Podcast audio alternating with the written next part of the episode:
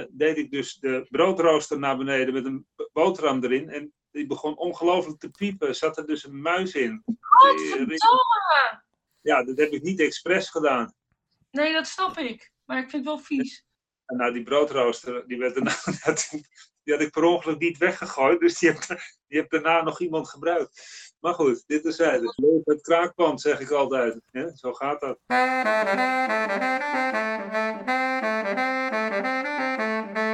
Welkom bij het Saans kwartiertje. Ze konkelen voezen wat af hoor.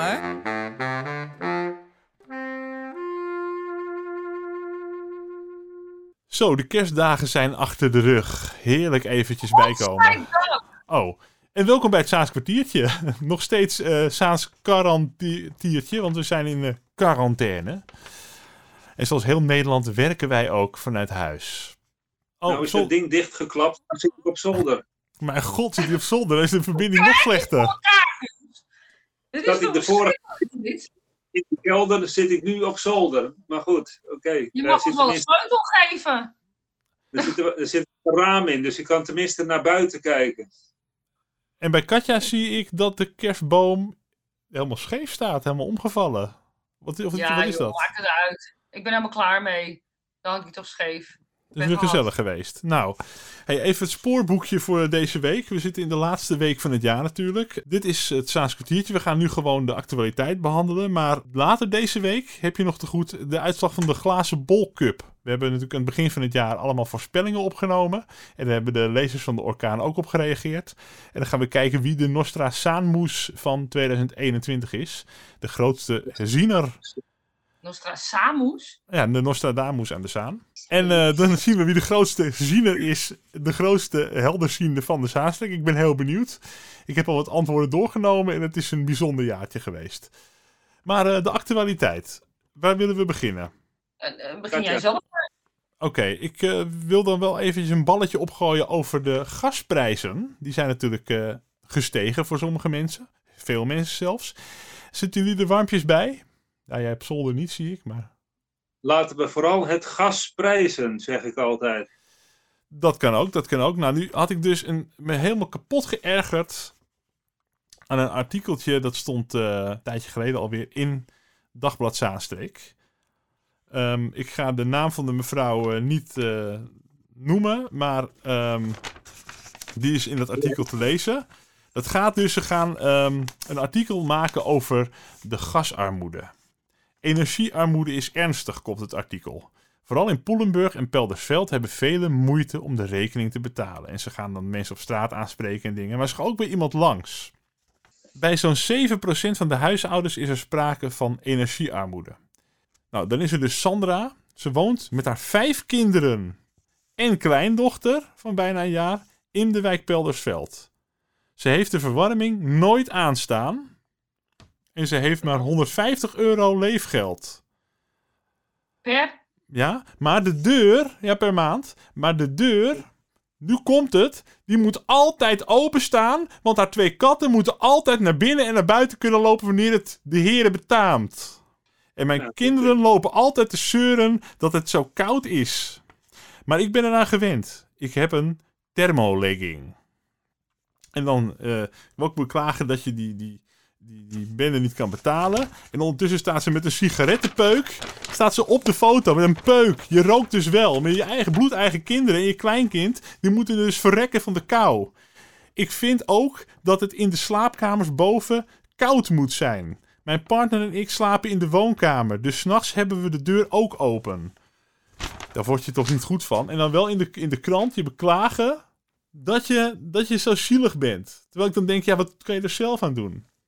Ik zie Guus, die, die, die, die weet niet wat hij hoort. Nou, ik, wist niet, ik wist niet wat een thermolegging was. Dat is een hele nieuwe, nieuwe term voor mij, zal ik maar zeggen. Oh. Dus het- Nou, het, het is niet heel interessant, maar er zit... Kijk, toevallig ligt er één hier. Ik kan het op de camera laten zien. Het is het onderstukje. De- er zit zo'n stukje, een beetje vlies aan de binnenkant zo. En dat maakt het wat warmer allemaal. Oké, nou, lekker, lekker, lekker. Ik zal geen andere rare details showen. Ja. Maar het is natuurlijk eh, het is een eh, groot probleem dat... eh, ja, ik, maak, ik, ik ben bewindvoerder geweest voor de wet schuldsanering. Dat is dus een heel Maak nou ander een verhaal. feitje? Nee, dat is geen geintje, dat is jaren terug. Maar het vervelende aan de situatie zoals je nu hebt, is dat de, de, de kloof is enorm groot geworden tussen, tussen arm en rijk. Eh, mensen zeggen wel eens, er ontstaat een kloof. Nee, er is een enorm ravijn is er ontstaan tussen arm en rijk. Ik begrijp wel waar eh, Edwin op doelt met, dit, eh, met dit artikel. Maar ik vind het ook een beetje, ja, journalistiek gezien vind ik het niet zo best, dit verhaal. Weet je, het is natuurlijk een beetje sensatiezoekerij. Die, dat die mevrouw 150 euro leefgeld heeft, dat is natuurlijk eigenlijk belangrijker, vind ik. Vijf kinderen, 150 euro leefgeld, dat betekent dat je gewoon geen cent te mak hebt. Dat gebeurt natuurlijk eh, aan de lopende band op het moment. Hè? Dus ik heb bijvoorbeeld een verpleegster geïnterviewd. Ik weet niet, misschien heb ik het al gezegd. Die in een garagebox woont met een kind, waar wel water is. En wel stroom, maar geen toilet, geen douche, helemaal niks. Schrijnend. En dit is, ja, dit, is- dit is iets wat dus gewoon in Nederland naar schatting meer dan 100.000 werkenden zijn dakloos. Dus ja, er is een groot probleem. En we krijgen Rutte 4.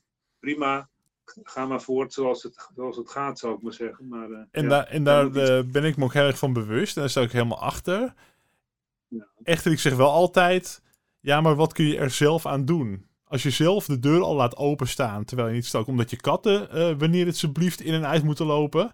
dan denk ik van ja, je kan er zelf ook iets aan doen natuurlijk. Hè? Je kan zelf ook die paar graden ho- hoger eh, krijgen zonder te stoken. Het is in meerdere opzichten gewoon een beetje triest allemaal dit. Ik wil even overschakelen op de Wilhelmina-brug. Volgens mij komt die brug ook weer terug in de, in de glazen bollen competitie, maar dat gaan we volgende week wel horen. Oh ja, zeker.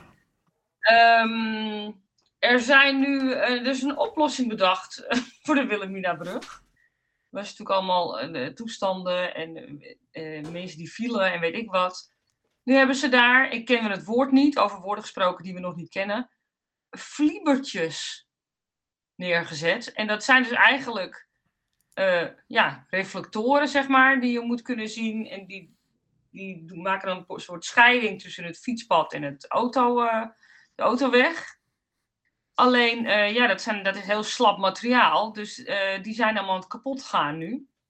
Het ziet er nou, je kan de foto's op de orkaan terugzien. Het ziet er natuurlijk weer heel armetierig uit. Eh, wat ik heel hilarisch vond, is dat iemand ten tijde van kerst een zo'n vliebertje heeft meegenomen en in de kerstboom heeft gehangen. Dat vind ik dan weer heel creatief. Dat was jij natuurlijk. Dat was ik niet. Ik, ik, de, de naam staat er niet bij. Ik ben zo benieuwd wie er achter zijn bureautje zit. Hoe, hoe gaat dat? En die zegt, ik weet het, we gaan daar vliebertjes vastmaken. Of reflectoren, of hoe die dingen heten. Ja. Ik, ik, ik, ik zou het zo leuk vinden als die meneer of mevrouw zich kenbaar wil maken. Dat zou ik ook van heel veel lef vinden getuigen trouwens. Want ik weet niet of je nog durft er vooruit te komen. Maar ik, ik raak daar... Ik, het fascineert mij gewoon iedere keer dat er wat fout gaat met die brug of wat dan ook. Wie heeft dat achter zijn bureau bedacht? Of hebben ze bij de koffieapparaat... Oh ja, ik droomde vannacht van vliebertjes. Laten we dat gaan doen. Oh ja, ja. En dan wordt ze allemaal heel enthousiast. Ik droomde En van dan- vliebertjes. nou, Ja, ik, ik weet niet hoe dat gaat. Ik vraag me af hoe je, er, hoe je erop komt. Ik bedoel... Ja, Commissie. Commissies. Natuurlijk weer een commissie. Er wordt een commissie ingesteld. en Daar die... zitten verschillende mensen in. Die Ja. bedenken dan. De een bedenkt de ene oplossing, de ander de andere. En dan wordt er een consensus bereikt. En die consensus heet, hoe heet het? Vliebertjes. de commissie. Vliebertje. En dat ze een keer aanschuiven hier in het Saanskwartiertje, als het weer allemaal mag en kan. Dat zou ik echt heel fijn vinden. Want dat, ik vind het, het, het fascineert mij mateloos, echt waar. Even nog wat nieuws van eh eh eh, Noord-Zaanstad dan. Vertel. Nou ja, dus eh, we hebben hier de brug naar Wormer. Wormerveer, Wormer, de brug. Die brug die moet al heel erg lang moet die vervangen worden. Het schijnt dat het nu toch eindelijk gaat gebeuren. Eh, daarvoor worden dan eerst op de Zaanweg bomen gekapt. Dan gaat er een soort. eh, ja, dan gaat er een soort rare rotonde gemaakt worden bij, ter hoogte van, even reclame maken, Stelling Wonen eh, naar de overkant, bij Lassie in de buurt, komt dan dus gewoon een noodbrug. Het gaat een enorme chaos worden. Want kijk, het verkeer uit, uit Wormer ja, dat is wel veel. En dat gaat richting natuurlijk allemaal de provinciale weg. En dat moet allemaal via de A8 richting Amsterdam of via de A7 richting naar het noorden. Die brug, als die noodbrug er is en als ze die brug gaan bouwen, gaat heel Zaanstad gaat echt helemaal dicht wat betreft verkeer. Je hebt nu een nieuwe wijk hier in Wormerveer ook, die ook uh, geopend is uh, met, met huizen van gemiddelde prijzen. Dus wat zal het zijn? 450, 500.000 per doorzonwoning. En ook dat levert weer heel veel autoverkeer op. Het wordt, het wordt, het gaat, het wordt een ader die dichtslipt. Ik weet het bijna zeker. Dat is een voorspelling alvast die ik doe. Ah, op het dat moment is, dat ja.